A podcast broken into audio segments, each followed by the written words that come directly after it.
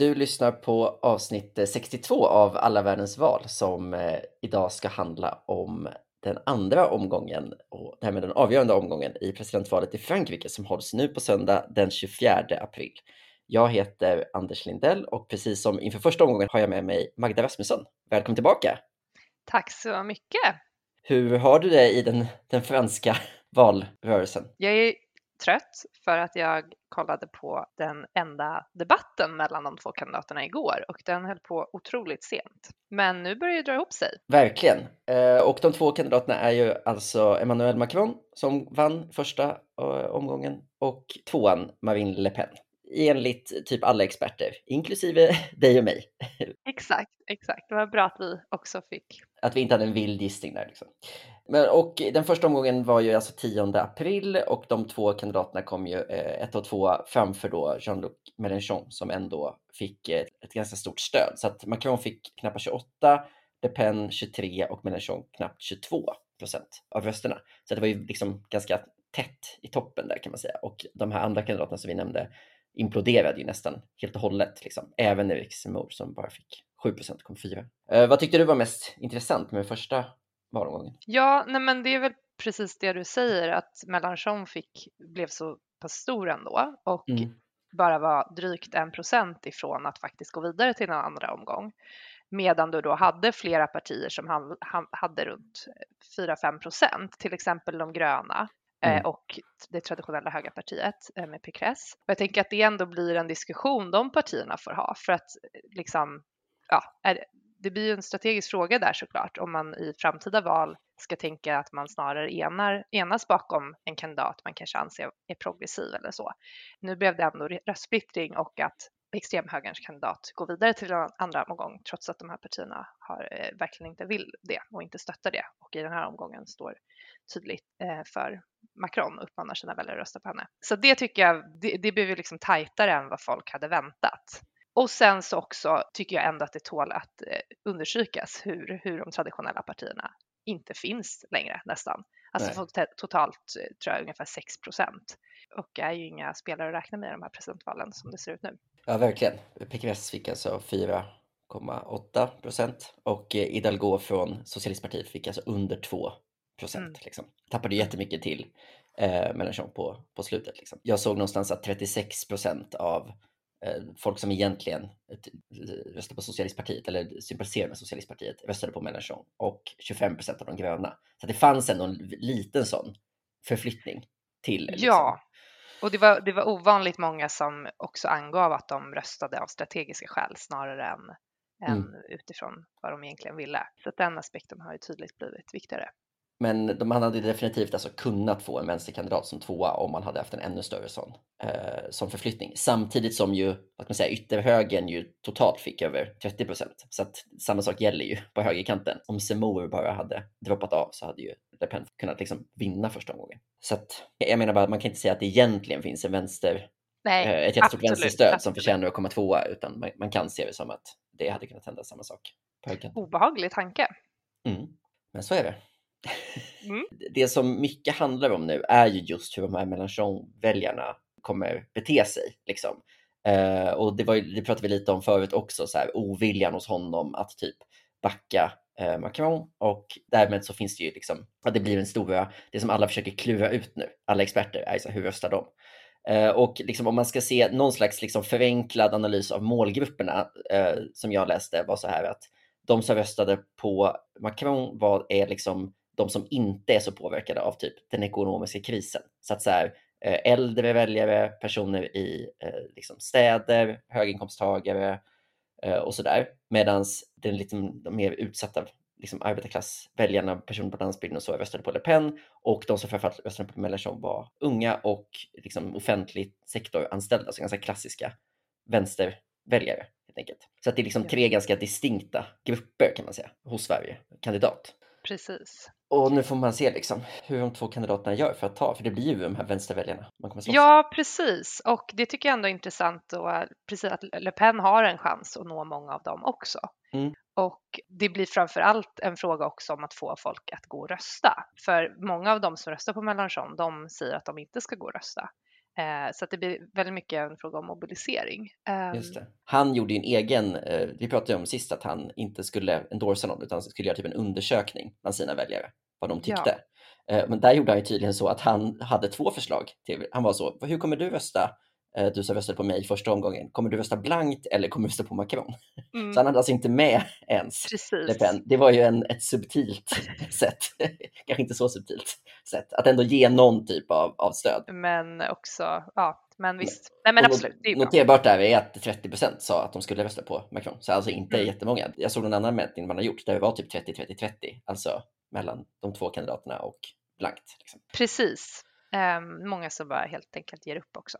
Ja. Och det var ju väldigt många som inte röstade i första omgången också, framförallt bland unga. Hälften av alla under 34 år röstade inte. Mm. Det, är ju, det är ju många alltså. Det är ja. oroväckande. Ja, verkligen. Um, och valdeltagandet är ju lägre än, än förra, alltså jag tror det var 4 procentenheter lägre än sist, mm. liksom. vilket ändå är en tydlig minskning. Liksom. Frankrike har ju generellt haft ganska höga Precis, så det blir frågan då hur det ser ut i andra. Ja. Men det märkte man inte minst i debatten igår också, hur båda appellerar till vänsterväljare. Ja. Um, kan vi inte prata lite om den? Jo, om, om det tycker jag. Den är Dessa... ju kröningen på två veckors valrörelse. Liksom. Ja, men precis. Det har då varit en tradition sedan 1974 att man har en sån här debatt mellan presidentkandidaterna, de två som återstår. Och det här var för första gången på länge också samma kandidater då som förra valet som möttes i den här debatten. Så båda ju, har ju gjort det här förr. Och det man kan säga är att det är väldigt reglerat av kandidaterna själva, själva debatten. Det är man inte så van som politiker i Sverige att man får tycka till om saker, utan här är det journalisterna som bestämmer. Men i Frankrike så är det kandidaterna eller deras medarbetare som bestämmer eh, talartid, vilka ämnen man tar upp, mm -hmm. eh, storleken på bordet, höjden på platserna Även temperaturen i studion eh, är en del av förhandlingarna och tror jag faktiskt vilka som ska leda debatten. Men de sitter då, igår så satt de mitt emot varandra en bit ifrån, så de sitter ner, de har papper och penna, så det är lite annan vibe än i en mm. svensk eh, partiledardebatt. Och de har eh, exakt lika mycket talartid, så att det, under kandidaterna så är det en timer eller en klocka som räknar upp. Så varje gång de pratar så fortsätter den klockan och sen stannar den. Och det är som en schackklocka, att man har liksom totaltid för hela debatten. Exakt, och märker man att någon har fått för lite talartid då får den ordet och lite sådär. Men det pågick alltså otroligt länge, två timmar och 45 minuter. Mm. Så jag måste, det är ju bara att säga eh, att det är imponerande över, överhuvudtaget att klara av att sitta så där länge och prata så intensivt. Ja. De var ganska på hugget också. Det var väldigt svårt tror jag att vara de som modererade. De mm. lyssnade inte så mycket på journalisterna när de försökte avbryta utan det var det var mycket prata i munnen på varandra. Men det var ju jättemånga olika ämnen och de första två är väl också de, de främsta i, i valdebatten och det är då alltså plånboksfrågorna, de ekonomiska frågorna, eh, att inflationen går upp och saker blir dyrare och sen så kriget var det mycket också kring. Mm. Men även EU och klimat och digitalisering och sjukvård och ja, massa olika frågor kom upp under debatten. Um, och det som är värt att säga är väl att 2017 så ansågs, ansågs den här debatten vara var väldigt avgörande mm. för att Le Pen framstod, många tyckte hon verkade arg och aggressiv och dåligt påläst och hon tappade ganska många procent efter den debatten. Men det kändes som att hon hade ja, gjort ett helt annat jobb inför den här debatten. Mm. Snarare var hon väldigt så, avslappnad, log mycket, lugn och Macron var ganska på hugget, på gränsen till arrogant. Eh, men det är ju något han får höra annars också i och för mm. sig. Men han var, liksom, han var verkligen offensiv trots att han är sittande president. Så det var en ganska så här, ändå spännande dynamik. Båda körde på eh, men hade ganska olika stil tycker jag. Om man då förra gången så blev det tydligt att Macron vann så, mm. så går det nog inte riktigt att säga efter den här debatten. Inte att hon vann heller, men, men givet utgångsläget och givet den status hennes parti, eh, Nationell Samling, har haft så länge så blir det ju nästan en seger i sig att, ja. hon inte förlorar så att säga. Ja, jag såg någon mätning där väljarna, eller tittarna hade fått säga hur de tyckte att det gick och den var som det typ, alltså det, det är ju alltid en ganska dålig sorts mätningar för folk säger ju alltid sin favorit typ, men um, där, där låg de typ alltså 45-55, alltså mm. ungefär som, kanske lite lite högre för Macron, men liksom ja, motsvarande det, mm. det förväntade valresultatet då, hittills, eller opinionsmätningarna mellan dem. Och det får man ju säga är en, en seger då för Le Pen på så vis att det här var en svagare moment sist. Precis, och en enorm seger för hela hennes projekt på ett sätt också. Mm. Att, alltså att hon ändå framstår som att hon ändå har svar i många frågor. Hon tog inte själv upp invandring och, och så så mycket. Det kom ju fram när de, de frågorna kom upp som ämnen, men, Mm. men att hon ändå, det är ju tydligt att hon verkligen jobbar på att framstå som statsmannamässig, även om Macron gjorde ett ganska bra jobb med att syna det. Alltså då kan vi tolka det som att Le Pen själv inte tycker att invandringen nödvändigtvis längre är en styrka, för där hon har liksom redan kanske de, de väljarna. Hon behöver liksom inte vända sig ditåt i, i, i debatterna. Men vad, vad skulle du säga att hon valde att lyfta fram för att liksom slå Macron? Ja, men mycket att hon står på vanligt folks sida. Det Mm. kom upp hela tiden tycker jag. Eh, att hon, hon inledde med att säga att hon vet att de här fem senaste åren har varit svåra och att de har inneburit massa lidande för människor och att hon förstår hur, det- hur det är för vanligt folk och sådär. Ehm, och jag rodde mig lite med att också kolla in deras Instagram, Instagram-konton, bara Mm. scrolla dem. Och det var så otroligt olika hur de verkar framställa sig själva. Jag vet inte hur strategiskt det är, jag hoppas att det finns en tanke bakom. Men, men hennes konto var liksom, det var mycket färg, det var hon med människor på alla bilder, alla log, Mm. eh, franska flaggan, väldigt så liksom, jag går vid folkets sida. Mm. Medan Macron var ganska mörka färger, mycket text bara, eh, Ja. eller bilder på han själv där han ser allvar, allvarlig ut. Eller möjligtvis så här EU med någon EU-ledare. Just Och det. det tyckte jag i debatten också, att han, han blir ju lite mer liksom kanske teknisk eller ja, den här elitmannen som kan saker och vet saker och hänvisar till regler och Europeiska unionen och så. Så att det tycker jag kom fram i, ja, de är lite, har olika eh, profiler. Jag vet inte om det här är en slapp spaning, men en bild jag har av Macron är liksom att han känns så himla... Det känns som att han är nervös för att inte framstå som typ manlig nog. Förstår du vad jag menar med det? Det är mycket att han ska vara så dyster och på liksom och Ja. trygg och stark och så här. Det var ju väldigt, han har ju blivit lite så skrattad åt för de här bilderna eh, när han Ja, så kopierade, ja, så liksom Ja, det är Zelensky fruktansvärt, tycker jag. vibben Mm. när han kom in i någon så hoodie från det typ franska flygvapnet va? Ja, Eller- eh, det, det är inte imponerande. Nej, man kände, det kändes så jävla sökt. Det känns Liksom. ängsligt. Men, det- Ja. men det är roligt att säga det för att jag har en kompis till mig som jag chattade med, han tyckte att Macron i debatten var sån jävla alfa.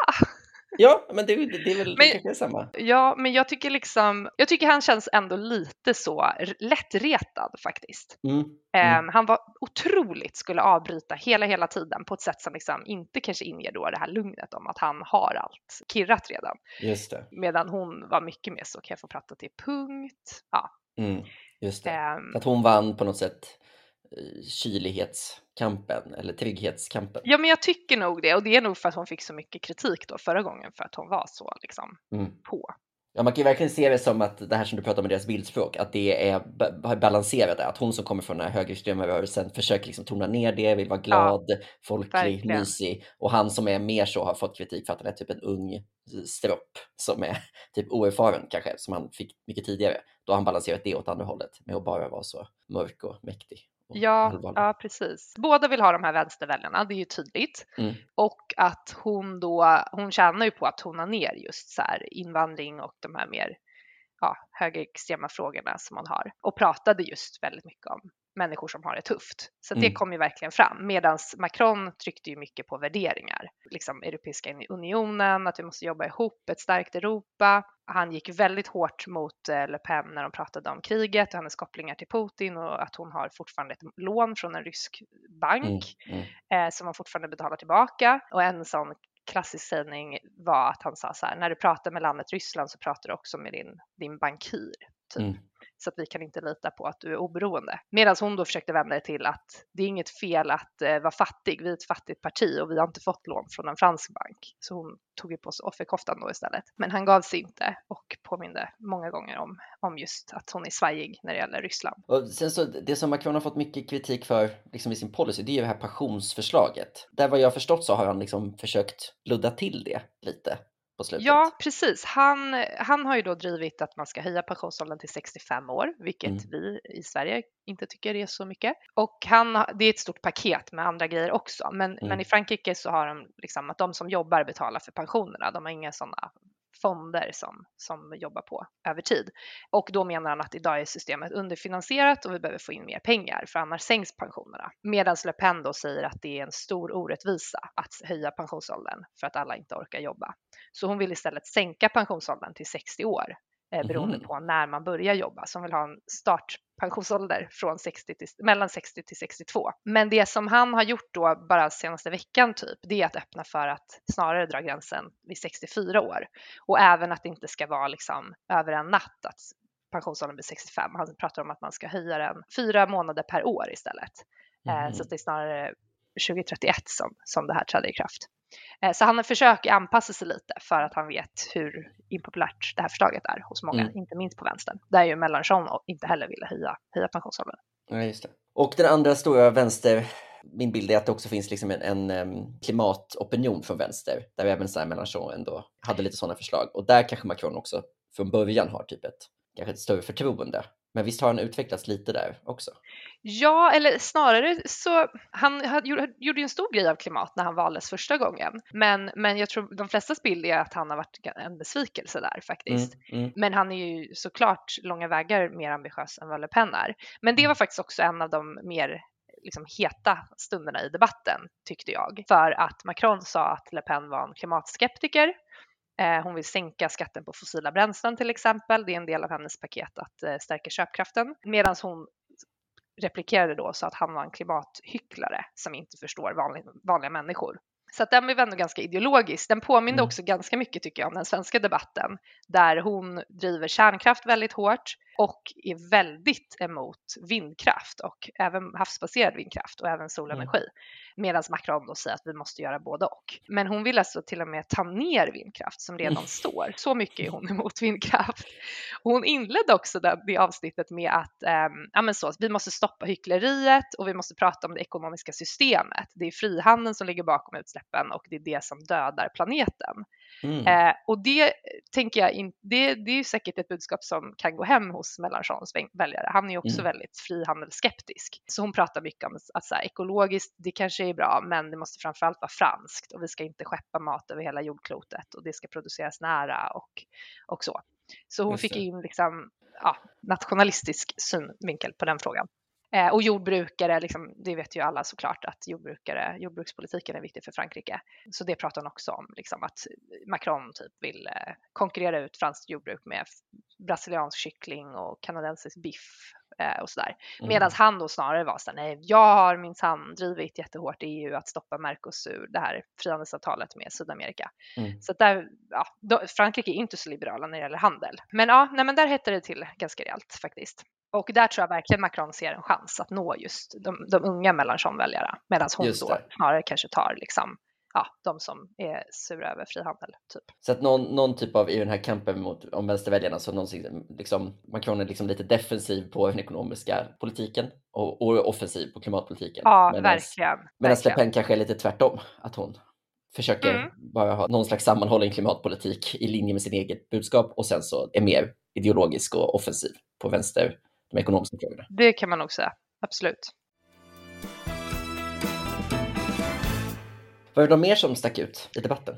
Nej, men eh, de kom ju in till slut på liksom, säkerhetsfrågor, migration och sådär. Mm. Och även om Le Pen, liksom, i Rysslandsfrågan tycker jag att det blir väldigt svårt för henne. För att mm. det är så tydligt att hon liksom inte har fördömt annekteringen av Krim och har det här ryska lånet och har hyllat Putin i så många olika sammanhang. Hon försökte ju säga liksom att så här, ja, jag är helt emot det som pågår nu och så, mm. men det blir ändå svårt. Men hon klarar sig ändå hyfsat som en sån, ändå ganska vanlig, vanlig politiker på något sätt. Att det är lätt att glömma vilket parti och vilka värderingar hon faktiskt står för. Mm. Men sen när det väl blir liksom en fråga om migration och eh, värderingar så blir det ju tydligt vilken extrem politik hon, hon faktiskt företräder. Um, och till exempel att hon vill förbjuda att bära slöja på offentliga platser mm. uh, är ju liksom extremt, en extrem åtgärd. Mm. Uh, och där Macron sa att det här skulle i princip innebära ett inbördeskrig och liksom vi, landet som, som står för upplysningen, hur skulle vi kunna förbjuda en religiös symbol? Och hon vill även ha en folkomröstning om invandringen att göra folkomröstning är också ett sätt att kringgå konstitutionen. Hon vill eh, ta bort det här att man får franskt medborgarskap om man föds i Frankrike. Hon vill eh, bara ge fransmän tillgång till vissa yrken och förtur till bostäder och prata om liksom koppling migration, kriminalitet, lagstifta mot islamism. Alltså det är ändå väldigt grovt. Mm. Eh, så det kom ändå fram, men det var väldigt sent i debatten så frågan är hur många som ens lyssnar två timmar in. Liksom. Men jag tycker ändå att ja, där ser man ändå skillnaden och även i relation till EU, för EU var EU var också ett tema. Och där är det lite intressant för att där har ju hon sagt att hon inte längre vill ha en så kallad Frexit då efter mm. att Brexit blev så rörigt. Men i praktiken, det Macron försökte göra i den debatten, det är att säga att det hon vill visst ha det, men hon står inte för det. För hon säger inte längre att hon vill lämna EU, men hon vill typ göra om allt vad EU är och ta bort all överstatlighet. Just det. Hon står ju ofta, eller hon står ju ofta på så här Ungern och Polens sida i konflikt med Bryssel och hon vill inte ha energimark vara med energimarknaden för hon tycker att Eh, Tysk, Tyskland liksom, med deras gas ska inte fransk kärnkraft behöva betala för och, och sådär. Och frihandeln vill hon reglera och begränsa och Schengen vill hon inte vara en del av. Allt det här. Så att egentligen liksom så är det blir lite hycklande då att kanske säga att man har lämnat Frexit när allt hon vill är att ja, förändra EU. Samtidigt så är ju det en mycket större, alltså den förändringen, mer i linje med typ då Orbans syn på EU. Han vill ju absolut vara med i EU, han vill bara att det ska se radikalt annorlunda ut. Alltså det är ju på ett sätt ett mycket större hot mot EU som det ser ut ja. idag. Eh, för, för en EU-vän så är det kanske så att lämna EU Just det, ett, ett, dåligt förslag och töntigt förslag, men det hotar ju inte EU. Men alltså, om man plötsligt skulle ha ett jättestort liksom, högerextremt franskt inflytande över EU och ja. fransmännen ville vara kvar, mm. då skulle det betyda väldigt mycket. Liksom. Mm. Nej, men jag tänker att det är verkligen EU-frågor som jag tänker att många, många, i många huvudstäder runt om i Europa så kommer man följa vad som händer på söndag. För ja. att jag menar Macron, man kan säga vad man vill om honom och hans EU-engagemang och liksom man kan tycka att det är pompöst och för mycket och han vill ha samarbeten kring allt. Mm. Men han är ändå, står ändå upp för EUs värderingar och tror väldigt mycket på EU. Och Frankrike är ju ett så stort land så att det skulle få jättestor betydelse såklart om någon som vill något helt annat styr mm. EU. Och mm. Le Pen vill ju också göra upp med liksom samarbetet med Tyskland. Hon tror inte alls på det och Macron har ju byggt jättemycket kring sin EU-politik på att vara nära Tyskland och leda ihop med dem. Så att det skulle bli en rejäl skräll i, i hela EU om hon vinner. Mm. Om, vi, om vi tar liksom valrörelsen i, i stort då, liksom fram till den här debatten, så nämnde jag ju lite om det här med hur opinionssiffrorna ser ut och de är alltså långt ifrån Macrons liksom, eh, superseger senast, eh, alltså 2017 när han fick två tredjedelar mot en tredjedel. Och nu är vi ju snarare typ 55-45 eh, som ja. det ser ut. Mm. Um, och liksom Eh, man kan, om, ska, om, man ska säga liksom hur det har förändrats så, så liksom låg de ju närmst varandra under själva, under själva valet. Där liksom avståndet krympt från mars ungefär, när det var som störst. Och sen så eh, när, när, man har poddat dem mot varandra så låg de liksom bara några procent ifrån varandra i eh, eh, omkring den tionde. Då. Eh, och för att nu vara uppe på typ 45, 55. Um, och det finns ju ganska många som kanske så, en, en vanlig take de senaste veckorna, nu har vi ökat lite till Macrons fördel, men en vanlig take har ju varit så här, uh, ja, det är inte så mycket större marginaler än vad typ eh, Clinton hade mot Trump 2016 Nej. till exempel. Nej. Tycker du att det har liksom märkt i den franska debatten att liksom, alltså är skillnaden så liten att det liksom framstår som en stor seger för Le Pen redan, även om hon kanske inte vinner? Förstår du vad jag menar? Jag förstår vad du menar. Um, ja, men lite så är det nog. Alltså att hon ändå har, hon har lyckats göra sitt parti rumsrent. Mm. Att förra valet så var ändå det en stor debatt så här, oj jäklar, liksom nationell samling är i sista omgången, mm. vilket i sig säkert bidrog till en mobilisering också. Att så här, nu måste vi rösta bort den här personen eller rösta, se till att hon inte väljs. Mm. Men att det trycket, liksom, det, det byggs inte upp på samma sätt riktigt. För att så här, man har ju sett det förr ungefär och liksom, nu låter hon mindre extrem. Mm. Så det ska man nog eh, absolut säga. Men det som också eh, är viktigt att nämna är att eh, nu är det presidentval och sen så bara i juni så är det parlamentsval. Mm. Och det blir ju väldigt viktigt för att traditionellt så den som vinner presidentmakten vinner också stöd i parlamentet för det är så kort nära eller kort inpå så att folk hinner inte ändra uppfattning så mycket. Men att nu när det dessutom är så här jämnt då kan man nog inte räkna med att även om Macron vinner så kommer han vinna parlamentet. Och man måste i princip ha stöd i parlamentet för att kunna regera. För att även om presidenten får utse premiärministern så kan parlamentet avsätta regeringen och premiärministern. Mm. Så att har man ett parlament som är emot den, då, då kommer de göra det. Så att det som man brukar då prata om cohabitation, alltså det vill säga att man typ måste samarbeta mellan partierna i det fall man inte har stöd i parlamentet.